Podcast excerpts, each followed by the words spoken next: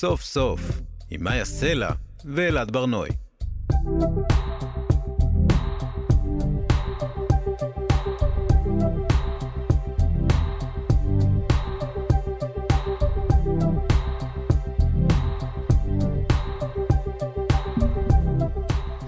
שלום, אחר צהריים טובים, אנחנו סוף סוף מגזין סיכום השבוע של כאן תרבות. מאיה סלע ואלעד ברנוי שמים לשבוע סוף. אנחנו ב-105.3 ו-104.9 FM.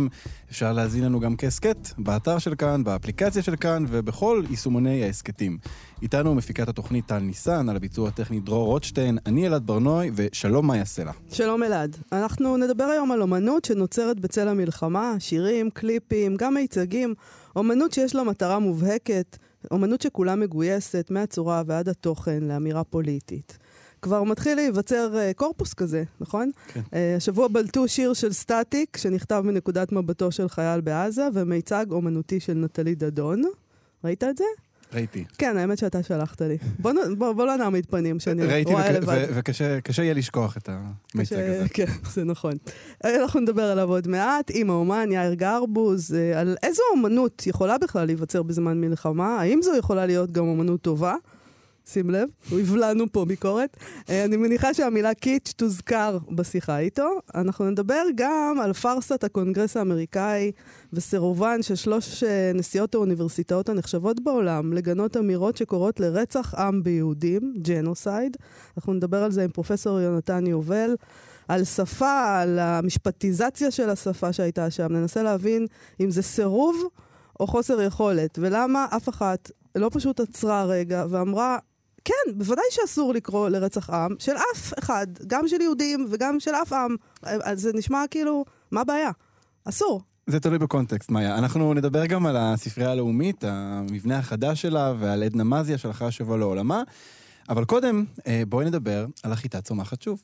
זה לא אותו העמק, זה לא אותו הבית, אתם אינכם ולא תוכלו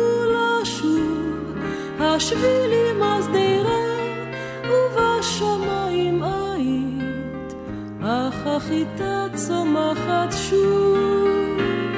השבילים השדרה ובשמיים עית, אך החיטה צומחת אנרגיות מרימות אה, הבאנו כן. כאן לאולפן. אה, טוב, השבוע ראש הממשלה בנימין נתניהו חתם סרטון שלו, שהוא העלה לרשת X, אה, טוויטר לשעבר, עם אזכור לשיר החיטה צומחת שוב. כל המילים שהוא כתב היו החיטה צומחת שוב.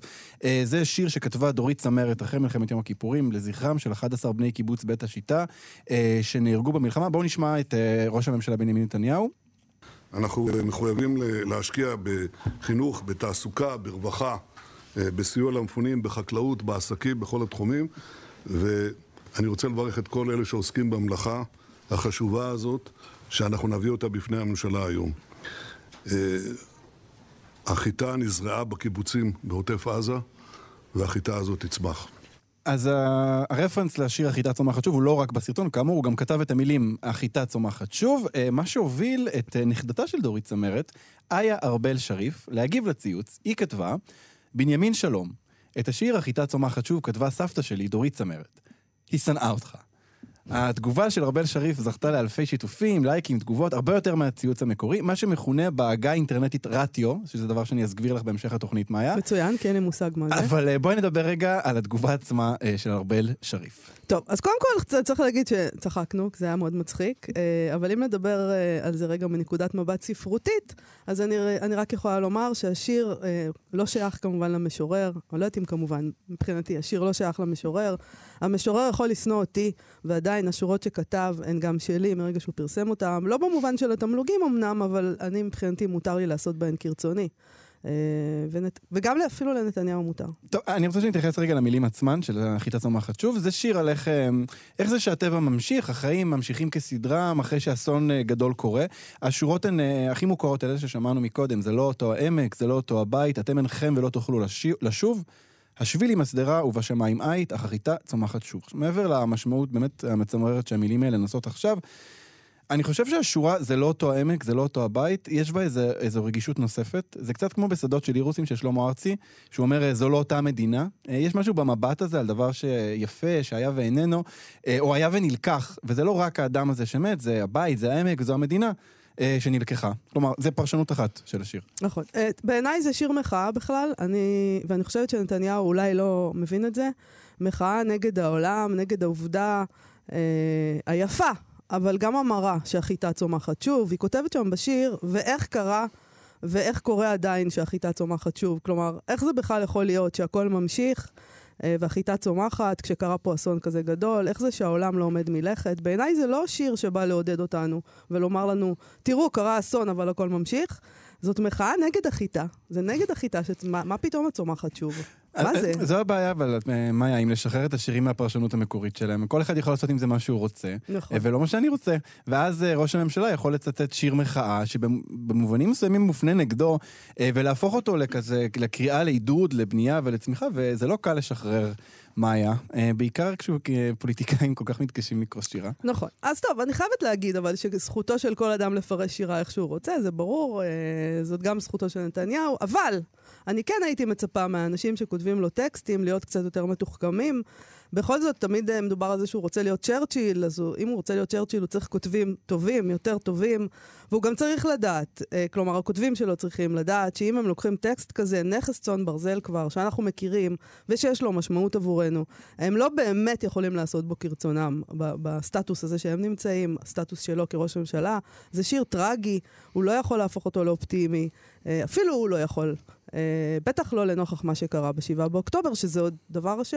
זה עכשיו. אנחנו עוד נדבר על, על אה, ממש עוד רגע, על אומנות ומה קורה כשהיא מגויסת, אבל אה, מות המחבר זה לא שוק. אני חושב שברגע שפוליטיקאי, בטח ראש ממשלה, עושה שימוש בשיר, אז כל הקריאות הפוסט-מודרניות האלה נזרקות לפח. כמו שאמרו הנשיאות בקונגרס, לקונטקסט יש משמעות. ראש הממשלה לא יכול פשוט להגיד... כן, החיטה צומחת שוב והיא תצמח. אה, זה כמו שהוא יגיד, כולם מדברים על שלום, אף אחד לא מדבר על צדק, והמלחמה שלנו צודקת. כן. או שהוא יגיד, מלחמות כבר לא קורות בקיץ, ולכן מלחמת חרבות ברזל קורית בחורף. אה, ראש ממשלה. אה, נכון. מה שכן, ייאמר לזכותה של איה ארבל שריף, הנכדה של צמרת, שהתגובה שלה בכלל לא דיברה על השיר, ועל זכותו של מישהו על השיר, היא לא אמרה, זה ניכוס או ניקוס, אה, היא לא אמרה, אל תיגע בשיר. מה שהיא אמרה לו, זה מאוד מאוד פשוט. סבתא שלי כתבה את השיר, והיא שנאה אותך. תעשה עם זה מה שאתה רוצה. הפרשנות לתגובה היא שלך. תעשה מה שאתה מבין, אומרים אצלנו. תעשה מה שאתה מבין. כן. סוף סוף, עם מאיה סלע ואלעד ברנועי. כאן תרבות, אנחנו שמים לשבוע סוף. אה, שום דבר לא עוצר אומנות מלהיווצר. כמו החיים, אה, אומנות ממשיכה להתקיים גם בזמן מלחמה. כמה מהיצירות המשמעותיות ביותר של המאה ה-20 אה, נוצרו בצל או בעקבות מלחמה. אלה לא רק מלחמות העולם, גם מלחמת וייטנאם ותנועות הנגד. גם אצלנו, מלחמת יום כיפור, במובן מסוים, גם מלחמת לבנון, יצרו שירים שנכנסו לקנון המוזיקה הישראלית. אבל אנחנו חיים בזמן אחר, המלחמה היא אחרת וגם היוצרים הם אחרים. קודם כל נדמה שיש הרבה יותר מהם, אה, מדי יום יוצאים עוד ועוד שירים חדשים. מלא למרש, דרך קרן פלס ועד נס וסטילה, אה, וגם סטטיק, שעוד אה, נזכיר בהמשך. השירים האלה רובם יוצאים עם ארט תואם, ארט עם דגלי ישראל, מגיני דוד, רובו נעשה באמצעות אינטליגנציה מלאכותית, אה, ולא רק בשדה המוזיקה, גם אה, מיצבים ומיצגים אומנותיים. אה, למשל, השבוע המשפיענית נטלי דדון הצטלמה בצעדה נגד אנטישמיות בברלין, כשהיא לובשת חליפה בצבעי כחול לבן, עם הדפס של לוגו של זק"א וכתמי דם, אה, כדי למחות נגד שתיקת ארגוני הנשים העולמיים על האונס והאלימות המינית שביצעו מחבלי חמאס ב-7 באוקטובר. כבר מתחיל להיווצר איזה קורפוס של אמנות מל... אה, מלח... מלחמת 2023 נקרא לה. קורפוס עם תוכן, עם צורה ועם אסתטיקה, שאולי אפשר להתחיל לאפיין. אנחנו ננסה להתחיל לגעת בדבר הזה עכשיו, ובכלל אה, להבין אם מלחמה יכולה להביא אה, אומנות טובה. שלום לאומן יאיר גרבוז. שלום, שלום. אה, יאיר, אני רוצה לשאול אותך את השאלה הכי אה, ראשונה ובסיסית כאן. מלחמה, ב... מטבעה אולי, אה, מייצרת קלישאות. אה, קלישאות זה לא, לא ממש נקודת מוצא טובה לאומנות, נכון? אה, כן, לא יוצא לי הרבה להגיד נכון ברעיונות, אבל מאוד נכון. אה, וגם יותר מזה, דברי ההקדמה שלך אה, היו אחד הרגעים העצובים שהיו לי בתקופה האחרונה, כדי לשמוע את הדוגמאות של אנשים מצער אמיתי ומרצון אמיתי להביע כל מיני דברים, גם מזהמים את מי התהום התרבותי שלנו בכל מיני דברים שאין להם שום קשר עם מה שאני קורא המקצוע שלי, זאת אומרת, עם יצירת אומנות. אז אולי אני- זה, פשוט צריך כן. להפריד פה, נגיד, בין אומנות לאומנות מגויסת. כי מה האנשים האלה עושים בעצם? הם מנסים אה, להשפיע, אה, זאת אומרת, להרים את המורל נגיד, או משהו מהסוג הזה. ולזה אתה לא קורא אומנות מן הסתם. תראי, הם מרימים את המורל של עצמם בדרך כלל בעיקר. הם, הם, הם, הם משוחחים עם, איך להגיד, עם עיתונות, עם, עם, עם... אה, שמענו קודם, מאוד שמחתי, כבר הרווחתי משהו מזה שהזמנתם אותי, שמעתי את רונה קינן כן, ברקע. כן. ו- וכשאני שומע את זה, אז יש לי סוג אחד של תגובה, וכששמעתי את ההקדמה, מאוד נחוצה בהקשר לשיחה שלנו, אז אני מדוכדך לגמרי. אני אגיד לך משהו ש... שהבחנתי, את יודעת ששואלים אותי איך המלחמה השפיעה על האומנות שלך. כן. אז אני אומר, היא נורא השפיעה, השפיעה מאוד, עד שהיא התחילה. מה זאת אומרת? מה, זאת אומרת שאני עוסק ב, בשאלות אה, פוליטיקה ובשאלות מוסר כל הזמן, יום-יום. ברגע שאני נכשל, אני, זאת אומרת, זה משהו הרבה יותר כללי, והכישלון הזה את משמעותו מלחמה, אין לי מה להגיד. אה, מלחמה זה התוצאה, זאת אומרת, זה הכישלון בעצם של האומנות. כלומר, נכון? האומנות אמורה למנוע. את המלחמה מלקרות היא מלכתחילה. לא אמורה למנוע במובן הפיזי של הדבר, אבל היא אמורה אה, אה, לנבא אה, אפשרויות אחרות, להציע אפשרויות אחרות. אני אתן לכם עוד דוגמה בעיניי נורא חשובה. אה, היו, אה, אה, לפני הכניסה הראשונה ללבנון, של צה"ל ללבנון כן. בשעתו, אני לא יודע שנים אז אני לא יכול להגיד, היו הפגנה, הייתה הפגנה ליד מוזיאון תל אביב, ההפגנה הייתה לא גדולה, אפילו אפשר להגיד קטנה. והשלטים שם אמרו, אל תיכנסו ללבנון. כן. אחר כך נכנסו ללבנון, וכמובן שהמשיכו להפגין, וההפגנות הלכו וגדלו. וכל אלה שקראו למפגינים הראשונים בוגדים, וכל אלה שקראו להם uh, שמאלנים uh, עם כל מיני תארים שאני לא רוצה לחזור עליהם, הצטרפו, או לא כולם הצטרפו, אבל רבים מהם הצטרפו למפגינים, וביקשו שצה"ל יצא מהבוץ הלבנוני, אבל זה כמובן היה מאוחר מדי, ואז לאומנות לא היה מה להגיד. גם עכשיו, את מבינה, בסיסמאות נבובות, שאני מבין את הצורך הנפשי בסיסמאות כאלה, אבל מה זה יחד ננצח? איזה יחד? מי, אני ובן גביר? אני וסמוטריץ' אנחנו יחד, אנחנו... אם היינו יחד לא היינו צריכים לנצח. אם באמת היינו יחד, אז, אז, אז לא, לא, היה, לא היינו מגיעים בכלל למצב הזה. יאיר, אתה חושב שהאומנות מהמהות שלה אמורה אה, להתנגד למלחמה? לא, לא, לא יכול להיות אומנות טובה שגם אומרת, אבל זו מלחמה צודקת, אנחנו צריכים לעשות את זה. הנה, להלן האסתטיקה שאני, שאני מתכננת לכם. אומנות היא לא תעמולה, אז היא לא יכולה להגיד לא את זה ולא את זה. היא לא יכולה להיות בעד ונגד, היא יכולה לתאר מצב או, או לספר לך את סיפור, סיפורי הוויה שמתוכם אתה לא תרצה בזה אם אתה, אם אתה קורא נכון. במובן מסוים, תראה, אני יכול להראות לך צילום נניח של רחוב בעזה, אחרי הפצצה של חיל אוויר. הרבה אנשים יגיבו בצורה שונה לדבר הזה. אני אגיד שבכל מקרה הרס זה דבר מצער. מישהו אחר יגיד, תלוי מה, מה מצאו ברחוב הזה ומה הם עשו. מישהו אחר יגיד, הנה יש, נשאר פה בית אחד שלם וצה"ל לא בסדר, הם השאירו בית שלם. אבל התמונה היא אותה תמונה. כן. התמונה כשלעצמה מזעזעת, ו- ותפקיד האומנות זה לזעזע, זה, זה לא לטלטל, להראות לך את האפשרויות. בדרך כלל, ככל שהיא מנסה להיות ישירה יותר, היא יותר, היא יותר פלקטית ויותר פוג... היא לא... תראה, אפילו הגרניקה זה לא הציור הכי טוב של פיקאסו. כן. בכלל לא. הוא עשה 700 סקיצות לגרניקה, כולן יותר טובות. הגרניקה זה... הגרניקה זה סוג של פלקט מרגש, ברמה של פיקאסו כמובן, אבל, אבל זה פוסט אה, אה, הדברים.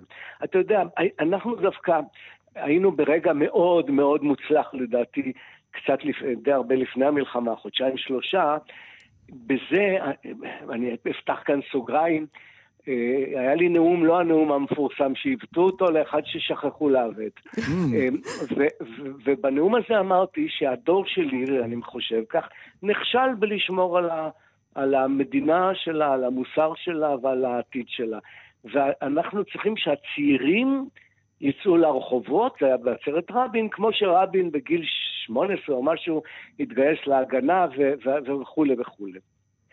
אה, הדבר הזה, אף אחד לא שם לב אליו, לא, לא הצליחו אה, להפוך אותו. והנה בקפלן, חודשים לפני המלחמה, פעם ראשונה קרה דבר כזה, של הפגנה שהיא לא פוסט מורטום, אלא היא הפגנה שעצרה תהליך. והצעירים יצאו לרחובות, לא אלה שההורים לקחו אותם כי אין להם איפה להשאיר אותם, אלא צעירים והרבה יצאו לרחובות. זו פעם ראשונה בתולדות המדינה. כן. זאת אומרת, זה היה בעיניי אחד הרגעים הכי מכוננים והחשובים. בא, בא ה... גם המחדל, גם, גם המלחמה, אני מקווה שאחרי זה אה, ינקו פה את, ה... את המשטר שהביא לזה. אה, יאיר, אתה הזכרת את קפלן, ואני רוצה לדבר על זה. במחאות ראינו המון אה, אה, מיצגים פתאום זה נהיה, זה נהיה כן. משהו שאנחנו רגילים לראות אותו. אה, אה, מחאות, ואתה יודע, הדוגמה הזאת של נטלי דדון היא, היא אולי דוגמת קצה, אבל, אבל נהיה, נהיה כבר איזה הרגל כזה, שכשמדברים על אומנות, אנחנו רואים אומנות כזו, אומנות שהיא ממש מיצג. אז בוא, אפילו... בוא אני אגיד לך, אם, אם פעם נתראה ברחוב, תציג את עצמך, כי אנחנו לא הכרנו, כן. ואני אלמד אותך איך להשתתף בהפגנה ולא לראות מיצגים. איך, איך? תנסה ככה כן. ללמד אותנו. אומרת, לעצום כן, עיניים? יש...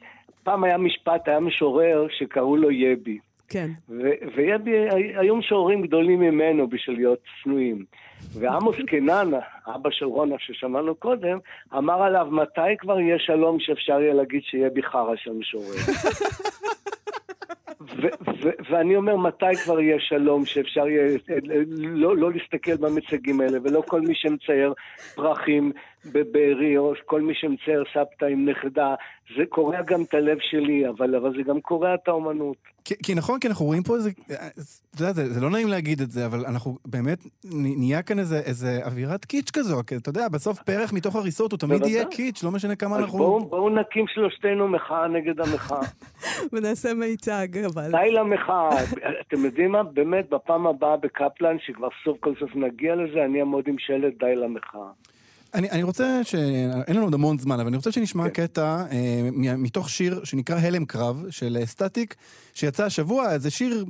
במקרה אה, שהמאזינים אה, שלנו לא חוו את זה. זה המילים, לא, המילים לא פשוטות, גם נגיד, יש לו קליפ כזה מאוד מאוד מאוד גרפי, שנעשה באמצעות אינטליגנציה מלאכותית. בואו נשמע רגע. הצבא שלי הכי מוסרי בעולם, הקש בדלת, הקש בגג, רוצה לראות? תבקש אישור, הם יורים עליך, תחפש ממ"ד, הם רוצים לשנוא, הם רוצים שואה, בלי הרכבות, בלי המסילות. נכון שמבחוץ אני חזק, אני לוחם, אבל בראש יש לי מלא קולות. הנאצי, נתתי לילד את הסוף של המים. במקום להגיד לי תודה, הוא החזיר לי מבט של שנאה בעיניים. אני פה לנקום את השבי של כל מי שאי פעם חטפו מהבית. ואתה פה לקרות את הראש לי, עונה שהציעה לך עלי זית. אמ, יאיר, אנחנו אה, שלחנו אותך לצפות בקליפ. אה, מה, עם איזה רשמים חזרת? אה, אני חושב שכל מה שאמרתי עד עכשיו מתארים את הרשמים האלה. סטטיק הוא בחור מאוד אינטליגנטי, אני לא בטוח שבשיר הזה, אבל, אבל אני, אני שמעתי אותו מדבר לא פעם ומאוד התרשמתי. אני לא, זה לא מתקשר לי עם שום דבר שאני צורך בימים שיש לי, איך להגיד, המעט תקווה שיש לי, אף פעם אין לי הרבה תקווה. אבל, אבל המעט שיש לי, זאת אומרת שאני חושב מה לקרוא, מה, מה, מה, מה, מה, למה להאזין, לאיזה תערוכה ללכת, כל מה שהוזכר פה, אה, לא, מה שנקרא, לא. יאיר, אני, אני, אני, אני כן. רוצה לשאול אותך, אתה בימים אלה הולך לסטודיו וכרגיל עובד, או שלא? כן, אני, אני עובד, ולא מזמן אני עובד לקראת משהו, אז באו, ראיתי עבודות שלי, וכמעט כל עבודה שנייה או שלישית שאלו אותי, איך ידעת? אוי, כמה ש... מתי עשית את זה? אני אומר לפני חמש שנים, אבל זה כאילו עכשיו, זה, זה, זה נורא הגיוני, זה לא שבח עליי, זה גנאי לאלה שלא רואים ולא יודעים. אני, אני עובד בסטודיו, ואני אפילו... בימים האלה, זו פעם ראשונה אני מספר את זה, אבל אה, מרוב ייאוש, אה, ייאוש גם מה לעשות ביום-יום, ואיך לראות פחות טלוויזיה, ואיך לא, לא, אני יודע מה, לא להתגעגע יותר מדי לנכדים, וכל מיני דברים כאלה בין אזעקה לאזעקה. כתבתי ספר. אה, ספר, מה הוא- כתוב בו? אה, ביקשתי מכל, בטלפון, כי כמעט לא מתראים, שישאלו אותי שאלות בנושא אומנות, מהנכדה שלי בת השבע, עד, עד אה, כמובן אשתי ועוד מי שמסביבי, שאלות איזה שרוצים, ועל כל אחת עניתי ברצינות, היו כ-40 שאלות. ולספר קוראים משל המערה, אה, ש... שאלות, תשובות, אומנות. וואו. עכשיו, אם הוא יצא לאור, אה, אה, לא יודע. אם הוא יצא לאור, אפשר לחבר קליפ נגדו. אנחנו נדבר איתך כשהוא יצא לאור. אנחנו פשוט. מחכים. טוב, אה, טוב. יאיר גרבוז, תודה רבה. לך על השיחה. תודה. רבה. להתראות. סוף סוף, עם מאיה סלע ואלעד ברנועי.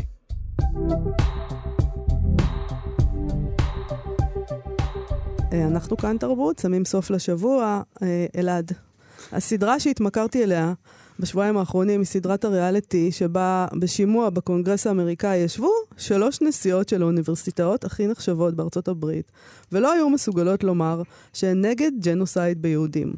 אה, או אם לדייק, סירבו לתת תשובה פשוטה של כן או לא על השאלה אם קריאה לרצח עם של יהודים נחשבת הפרה של כללי המוסדות הנכבדים, הרווארד למשל. הם אמרו שזה תלוי, תלוי בהקשר, ובשאלה אם זה עובר ממילים למעשים. כשיהיה ג'נוסייד של ממש, לא אנחנו בסדר. נתנגד. טוב, הדבר הזה הדהד באמת בכל מקום השבוע. אה, זה הגיע גם לתוכניות סאטירה כמו Saturday Night Live האמריקאית, או ארץ נהדרת אה, פה המקומית. אה, בואי נשמע רגע טעימה קודם מהמקור, אחרי זה Saturday Night Live ואז ארץ נהדרת. specifically calling for the genocide of Jews, does that constitute bullying or harassment? If it is directed and severe or pervasive, it is harassment. So the answer is yes. It is a context dependent decision, Congresswoman. It's a context dependent decision. That's your testimony today. Calling for the genocide of Jews is depending upon the context. Now, I'm going to start screaming questions at these women like I'm Billy Eichner. Anti Semitism, yay or nay? I'm sorry, what? Yes or no is calling for the genocide of Jews against the Code of Conduct for Harvard. Well, it depends on the context. What? Let's start with you, Professor McGonagall. Does advocating for the genocide of mudbloods violate the code of conduct on bullying and harassment in Gryffindor? It's a context dependent decision, Professor Dumbledore. E- e- excuse me? H- h- how is calling for the genocide of mudbloods not a violation of the rules? It's a context dependent decision. אנחנו צוחקים בפעם ה-200 כשאנחנו שומעים את המקור, נכון? כשמדברות על קונטקסט. מה שהצחיק אותי במקור זה כמה שחברת הקונגרס אה, מתקרבת למיקרופון יותר מדי. זה, וזה ממש, עכשיו שאנחנו ברדיו אני מרגיש כמה היא הייתה צריכה להתרחק קצת, זה נשמע באמת כמו סאטירה כבר המקור. נכון. טוב, אני חשבתי לעצמי ששום תסריטאי לא היה מרשה לעצמו כזה תסריט לא סביר, אבל גם טעינו אלעד, למה כל כך קשה להן להגיד דבר ש... שנראה לנו די פשוט. זה מה שמצחיק בעצם. זאת אומרת, כשאנחנו לא מדברים על genocide, genocide זה לא מצחיק, אני רוצה כבר להגיד, אני אומרת את זה בצורה ברורה. genocide לא מצחיק אותי. אבל אה, אתה יודע, יש משהו, למה את לא יכולה להגיד פשוט לא? בשביל לנסות ולהבין מה העניין פה, התרבותי, המשפטי, הפילוסופי אולי, אנחנו רוצים לדבר עם פרופסור יונתן יובל מהפקולטה למשפטים באוניברסיטת חיפה, מחבר הספר שפות של צדק, מה המשפט עושה כשהוא מדבר וכשהוא שותק. זה הספר שאנחנו מציינים, הוא כתב הרבה ספרים, אני חייבת לומר. למרבה המזל, הוא גם סופר וגם משורר, והוא גם למד פילוסופיה באוקספורד, אז הוא מבין במוסדות מהודרים, אולי הוא יצליח להסביר לנו באיזה יקום מוזר אנחנו חיים. שלום, פרופסור יונתן יובל. שלום מאיה, שלום אלעד. שלום וברכה. מה, מה בעצם ראינו? אולי פשוט תסביר, מה ראינו כשראינו את המופע הזה בקונגרס, שנשיאת האוניברסיטה אומרת ש genocide זה תלוי קונטקסט. טוב, זה נורא, אני חושב שזה היה ממש מבריק שהשמעתם את זה יחד עם ה Saturday Night Live האחרון, כי יש איזה רגע שאתה שואל מה פרודיה של מה. היינו יכולים לשים את ה Saturday Night Live ולהגיד זו הייתה המציאות, ואז לשים את מה שקרה בקונגרס ולהגיד זו פרודיה של המציאות. ומהבחינה הזאת, מהי המציאות ומהי הסימולקרה, זה, זה אחד הסיטואציות הכי מובהקות שיש. תראו. לא לגמרי פשוט לנסות להבין מה קרה שם, אבל מה שראינו זה, יש לזה כמה, כמה דברים, תעצרו אותי כשאני מרצה יותר מדי. כן. אחד, ראינו תיאטרון פוליטי, ראינו תיאטרון פוליטי בסוגה מאוד מאוד משוכללת. הגיעו שלושת הנשים האלה. דרך אגב, אני חייב להגיד, זה יפה שיש שלוש נשים בראש המוסדות, המוסדות העילית האמריקאים האלה, כי בארץ אין לנו. כן. כל ראשי האוניברסיטאות בארץ, אה, האוניברסיטאות המחקר גברים. כן, למרות שזה לא עזר מזה שזה יהיה פארסה.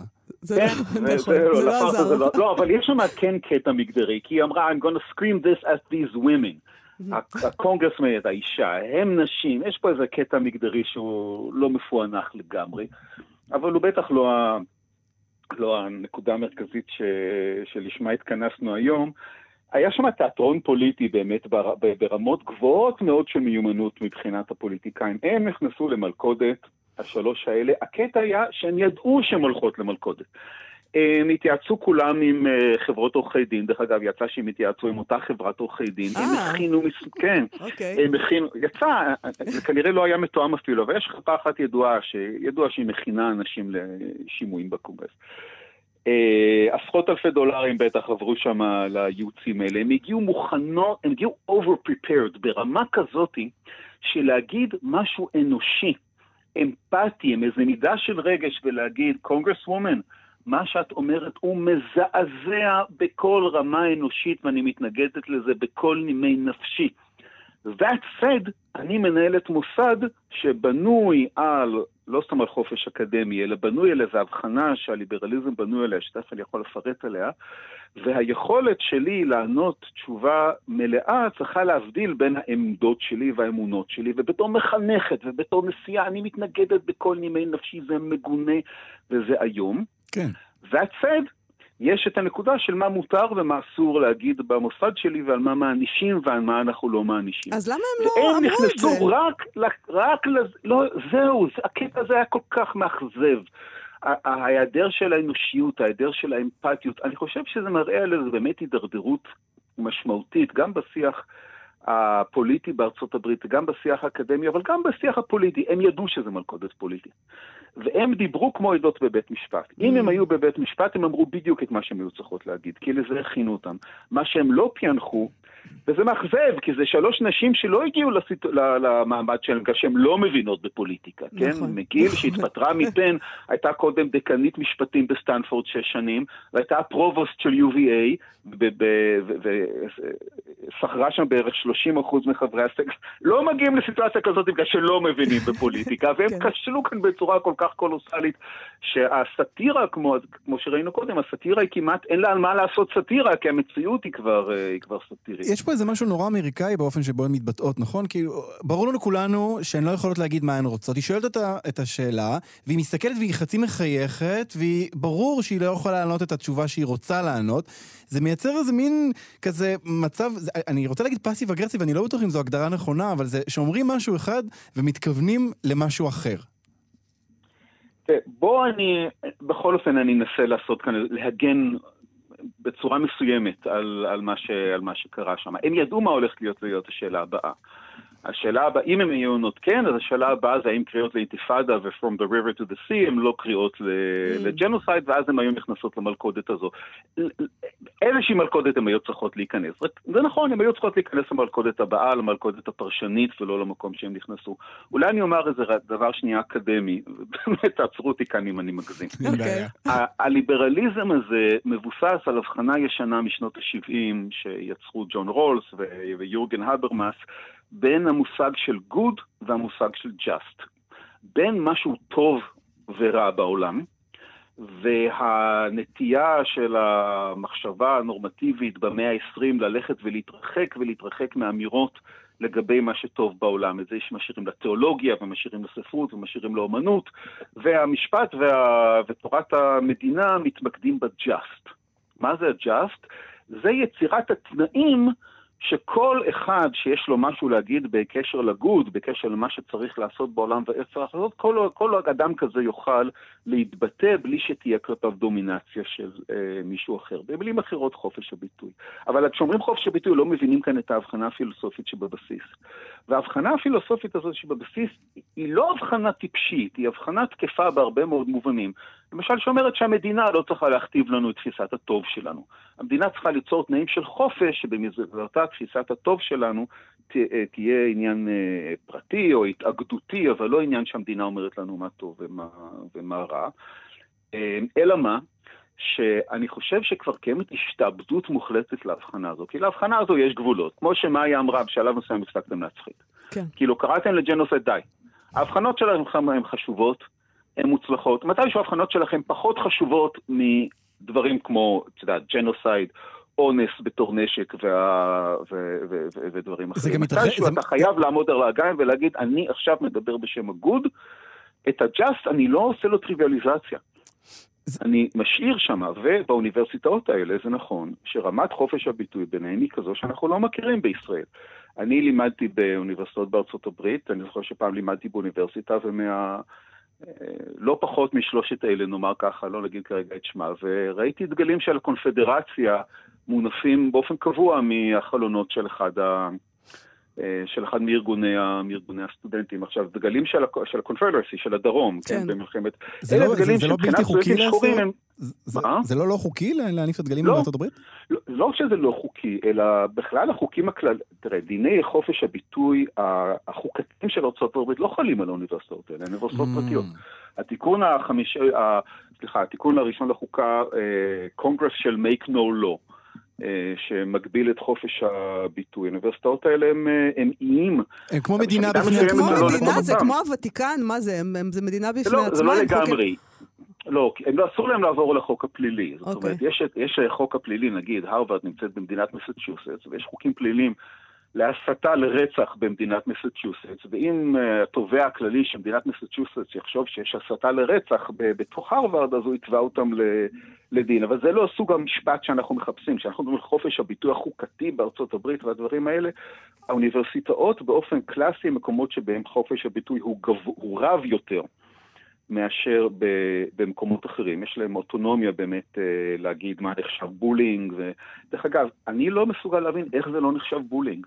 הרי יש לסטודנטים אה, יהודים, איך סטודנט יהודי אמור להרגיש, כמו, כמו, ש... כמו שאני חשבתי שדגל הקונפדרציה זה bullying של סטודנטים שחורים. כן. הרי מה זה דגל הקונפדרציה? דגל הקונפדרציה הוא, הוא אה, הוא אומר שמה, שאנחנו בעד- לבנה, זה בעד כן. עבדות עכשיו פתאום, או משהו כזה. כן, נכון, כן. כן. כן, לא. לא, יש פה, יש פה איזה, ש- יש פה איזה דקות כן. עם ה bullying הזה, שלא, לא, שוב, אני לא בא להגן עליהן, אבל אה, ש- ש- כשזה מופנה לסטודנט מסוים זה bullying, וכשזה לקבוצה, אז אי אפשר לנתק את זה מהגדרה ישירה ל bullying, זה מה ש... זה ההסבר שנתנו לפחות. נכון, אבל גם את זה אני לא מקבל, כי מה זה קבוצה? קבוצה זה אוסף של יחידים. והקריאה, אם, אם אני קורא, תראו, לא היו קריאות ולא הביאו עדויות אה, לקריאות שקראו ל genocide ביהודים. כן. אה, הקריאות היו לאינתיפאדה, והקריאות היו From the... זו From the river של... to the sea, זו- לא משנה שאני זאת לא בטוח שהם... המניפולציה של חברת הקונגרס כמובן, שהפכה נכון, את זה ל... נכון. זה הפרשנות שלה, כשהיא מדברת על genocide. בזה הם נפלו, אני רוצה לשאול נכון, אותך בזה לסיום. הם נפלו, זה העבודה שלה, זה נכון, העבודה שלה. נכון, היא הצליחה והם ממש בעבודתה. נכנסו לה לתוך ה... נכון. יונתן, אני רוצה לשאול אותך לסיום, אתה חושב שהיה צריך, אחת התפטרה, היה צריך לפטר אותן בגלל הדבר הזה? אני מאוד שמח שקלודין גיי, הנשיאה של הרווארד, לא פוטרה. אני חושב שזה היה נורא אם הנשיאה השחורה הראשונה של אוניברסיטת הרווארד הייתה מפוטרת בגלל לחץ של, אה, נקרא לזה רגע בצורה לא עדינה, תורמים יהודים. כן. כן. אה, והכסף היהודי. אני חושב שהיא למדה הרבה, אני חושב שיש לה הרבה רצון טוב. היא ביקרה שבוע אחרי אה, אוקטובר 7, היא ביקרה על ערב שבת בהלל המקומי ונשאה דבר תורה, אה, שדיבר על המחויבות שלה להגנה על הסטודנטים היהודים והכול. יש עקומת למידה כאן. אה, שלומדים אותה. אתם צריכים להבין שהיהודים, אין מה לעשות, יהודים היום בארצות הברית לא נחשבים קבוצה שבאופן טיפוסי נתונה ל... אה, אה, ליחס מאיים. יחס מאיים זה עדיין השחורים, אפליה נגד השחורים. אתם מסתכלים על יהודים, יש חמישה מיליון יהודים באמריקה, נדמה לפעמים שיש חמישים. כן, אז, כן, אז כי, יש כי, לה כי יש להם את הכוח. כי, כי בסוף... אה, בגלל זה לא אוהבים אותנו, מה זאת כי, אומרת? כי הרי לפטר אותה זה בדיוק הגשמה מאיה, זה של ה... אישי, זה אל תגידי אותם. זה בדיוק, לפטר אותה הרי זה בדיוק הגשמה של כל הדברים האלה שאומרים על יהודים, שאוחזים בכל מקום ושולטים בזה. נכון. יכול להיות שזה הדבר הנכון לעשות, אבל, אבל כן, אני מבין מה אתה אומר, זה היה יכול להתפוצץ בפרצוף הדבר הזה. ספציפית לגביה, לגבי פן אני קצת פחות מכיר את הסיטואציה, אני מכיר אותה קצת קלושות ממפגשים אישיים, אבל פחות מכיר את, הסיטואציה. בפן יש אמ, קבוצה מאוד חזקה של בית הספר ל- לעסקים שלהם, וורטון, שהבורד שלהם פנה אליה, זה החלק הכי חזק בפן. והבורד שלה פנה אליה ואמר, זהו, את, את הולכת, זה לא עניין של, אה, של בחירה. בהרווארד אין, לא היה מרכז כל, כל כך חזק כזה, אבל אני חושב, כן, יש עקומת למידה.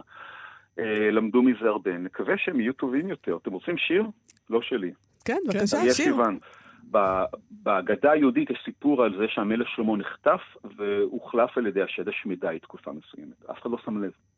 המשורר כמובן היה הראשון שהרגיש שהמלך שלמה איננו האיש שהיה תמול שלשום. ראשית כל התחיל להקפיד, להקפיד מדי לילה לבעול עשר נשים ושלוש פילגשים, המספר חביב על שדי שחת מכבר, אבל לטבעו הבלתי אנושי גילה כאשר התייצבו למשפט עוד שתי אמהות עם ילד אחד, והוא באבחת יד אחת גזר את הרך הצורח מיד. מה יעשה משורר החושד? כי המלך שלו אינו אלא שד. ישב לשולחן, יכתוב שיר טוב, בו ירחיק, ישכלל וישכלל עדותו, והשד בינתיים עומד וזומם מזימה איומה. ואז אני קופץ לסוף. מה פתאום משורר, יאמר האומר? מה פתאום משורר? המדרש קובע מסמר מפורש. לא משורר היה האדם שגילה את אלפי השמדי, אלא סנדלר, מן העם, איש פשוט, לא חכם, שהתקיל נעליים לשד ונדהם, וצעק צעקה נוראה וגדולה, והשד נעלם. ואני חושב שאריה סיוון עלה כאן על משהו שמי שבפילוסופיה היה, היה, ביטא אותו בעיקר פילוסוף אמריקאי בשם ריצ'רד רורטי, שאמר האתיקה שלנו מסובכת מדי, עם כל הצווים שלה והנחות היסוד שלה והאונתולוגיה שלה. אתיקה מתחילה מהיכולת הבסיסית לזהות סבל אצל הזולת. אנחנו צריכים סנדלר, בקיצור. גם הסנדלר, זה לא נכון, הוא איש פשוט מן העם, אבל הוא לא טיפש. יש לו את היכולת הבסיסית הזו שרורטי כתב עליה, לזהות סבל של הזולת, לזהות אימה, ולהודיע עליה ברבים. הצעקה שלו היא צעקה תקשורתית, היא לא סתם צעקה של, אה, של בהלה. וזה דבר, גם בקונטקסט הפנימי הישראלי, גם בקונטקסט של הציבור הישראלי שמסתכל החוצה, וגם, את יודעת, אנחנו טובים בלהתקרבן, אבל לא כל כך טובים בלהסתכל על עצמנו בדברים האלה. היכולת לזהות סבל אצל הזולת, היכולת לבצל, לזהות את הרוע, ולעמוד על שתי רגליים ולצעוק צעקה אה, גדולה. בין השאר הנסיעות כשלו בזה. פרופסור יונתן יובל, תודה רבה על השיחה הזאת. תודה רבה. תודה לכם. להתראות. סוף סוף, עם מאיה סלע ואלעד ברנועי.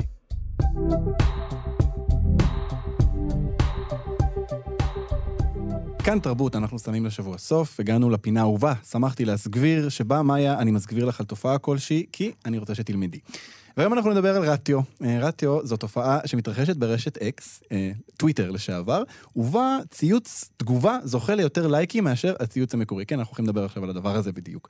כמו שציוץ התגובה של אה, איה ארבל שריף זכה להרבה יותר לייקים ושיתופים מאשר הציוץ המקורי של ראש הממשלה, בנימין נתניהו. עכשיו שימי לב, זה ציוץ של ראש ממשלה, שצעירה אנונימית, בלי הרבה עוקבים, הצליחה לעקוף, וזה אומר לנו שהיא היא ניצחה אותו במשהו. זה לאו דווקא אומר שהיא צודקת, או אפילו שרוב הרשת חושב שהיא צודקת, זה אומר שבמקום שבו אנחנו נמדדים לפי שנינות, חדות, מקוריות, בשדה הספציפי הזה, ברגע הספציפי הזה, היא ניצחה. אה, ובגדול. עכשיו, רטיו הפך לדבר שמנסים להשיג ומתגאים בו. כך למשל, העיתונאי נדב אייל מאוד נהנה להשתמש בכלי הזה. לינון מגל הוא כתב לא מזמן, אתמול עשיתי לך רטיו על ציוץ מסית שלך. לעיתונאי נועם פתחי הוא כתב, אין לי זמן למזוג לך שוב רטיו. אגב, הוא הצליח. אה, מאז שהתחילה המלחמה, רטיו הפך גם לכלי נשק. אה, בשדה ההסברה, ציוץ אנטי-ישראלי יגרור הרבה מגיבים ישראלים שינסו להשיג רטיו. כלומר, לעקוב את הציוץ המקורי, באהדה ובחשיפה שהוא מקבל, אה, אה, ובכך כמו לנצח, גם אם זה אה, אה, רק ניצחון סמלי. יובל פלוטקין כתב השבוע בדה-מרקר על הדבר הזה שנקרא רטיו, הוא כתב על זה כך: קטן, אימפולסיבי ופשטני ככל שיהיה, הרטיו הוא דרכו של האזרח הפשוט לעקוץ את הפופוליזם בכלים של הפופוליזם עצמו. זהו בסך הכל סמל, אבל זה סמל בלתי נמנע בעולם שבו לייקים מכתיבים את החלטותיהם של מנהיגים ומנווטים את דרכיהן של מעצמות. סוף סוף, עם מאיה סלע ואלעד ברנועי.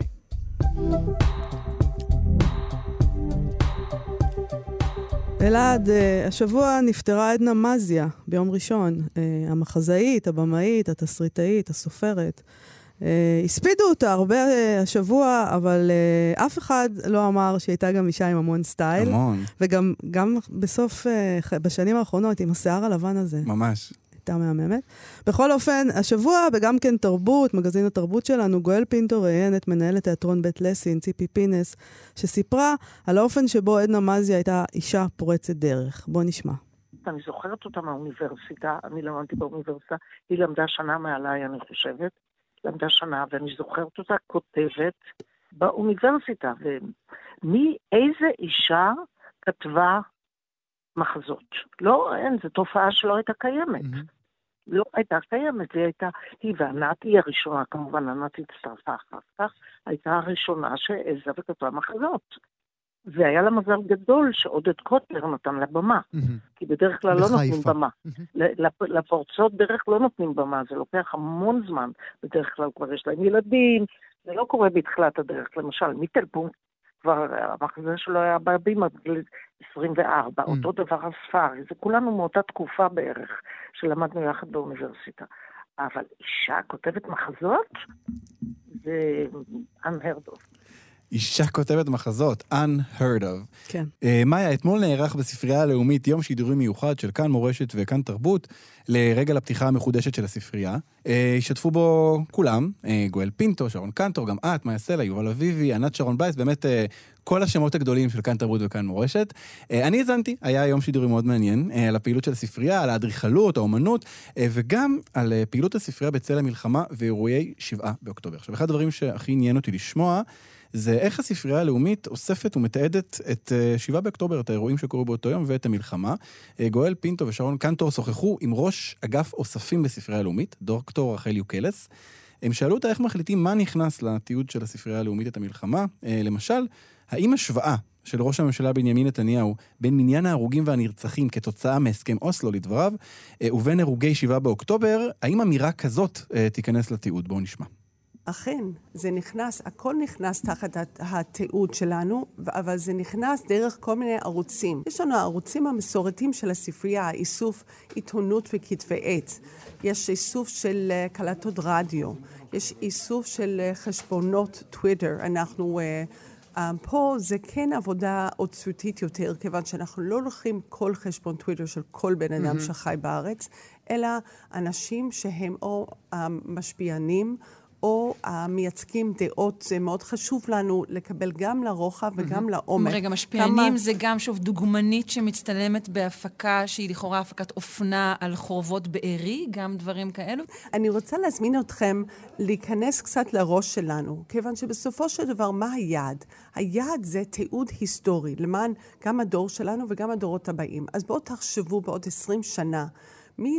משתמש כן. בחומר הזה? או דוקטורנטים. תי... דוקטורנט או תיכוניסט, אני חשבתי עבודה סמינריונית או איזושהי אה, הצגה בבית הספר. עיתונאי שרוצה לעשות, אה, לעשות תחקיר על מה היה. אמ, פעילות של הנצחה, יום הזיכרון שבטח אה, יקום ב-7 באוקטובר. אז איזה חומר היית רוצה להגיע אליו, Hmm. נכון? אז שוב, המופע של, פה- ה, של, ה, של אה, אופנה שייך, לא שייך. קשה מאוד. אבל חנן לא. בן ארי שמופיע בפני חיילים בעזה? כן, בטח. זה חלק מהסיפור. מעניין, נכון, מעניין. מה, מאוד. מה נכנס ומה מה יהיה ב- בעתיד של ההיסטוריה הזאת? ספרייה הלאומית, זה, מה, אנחנו, אכן הייתי שם אתמול, וזה דבר מרגש. זה פשוט מבנה מדהים ומרגש. הפעילות שלו, המבנה עצמו וגם המהות שלו. הוא שומר אוצרות העם היהודי. נפלא. מאיה, אנחנו סיימנו. אה, עד כאן, סוף סוף, לשבוע הזה. אה, תודה למפיקת התוכנית על ניסן, תודה לדרור רוטשטיין ושלומי יצחק על הביצוע הטכני, אה, ותודה לך, מאיה סלע. תודה לך, אלעד ברנועי. סוף שבוע שקט, אנחנו נתראה בשבוע הבא. להתראות.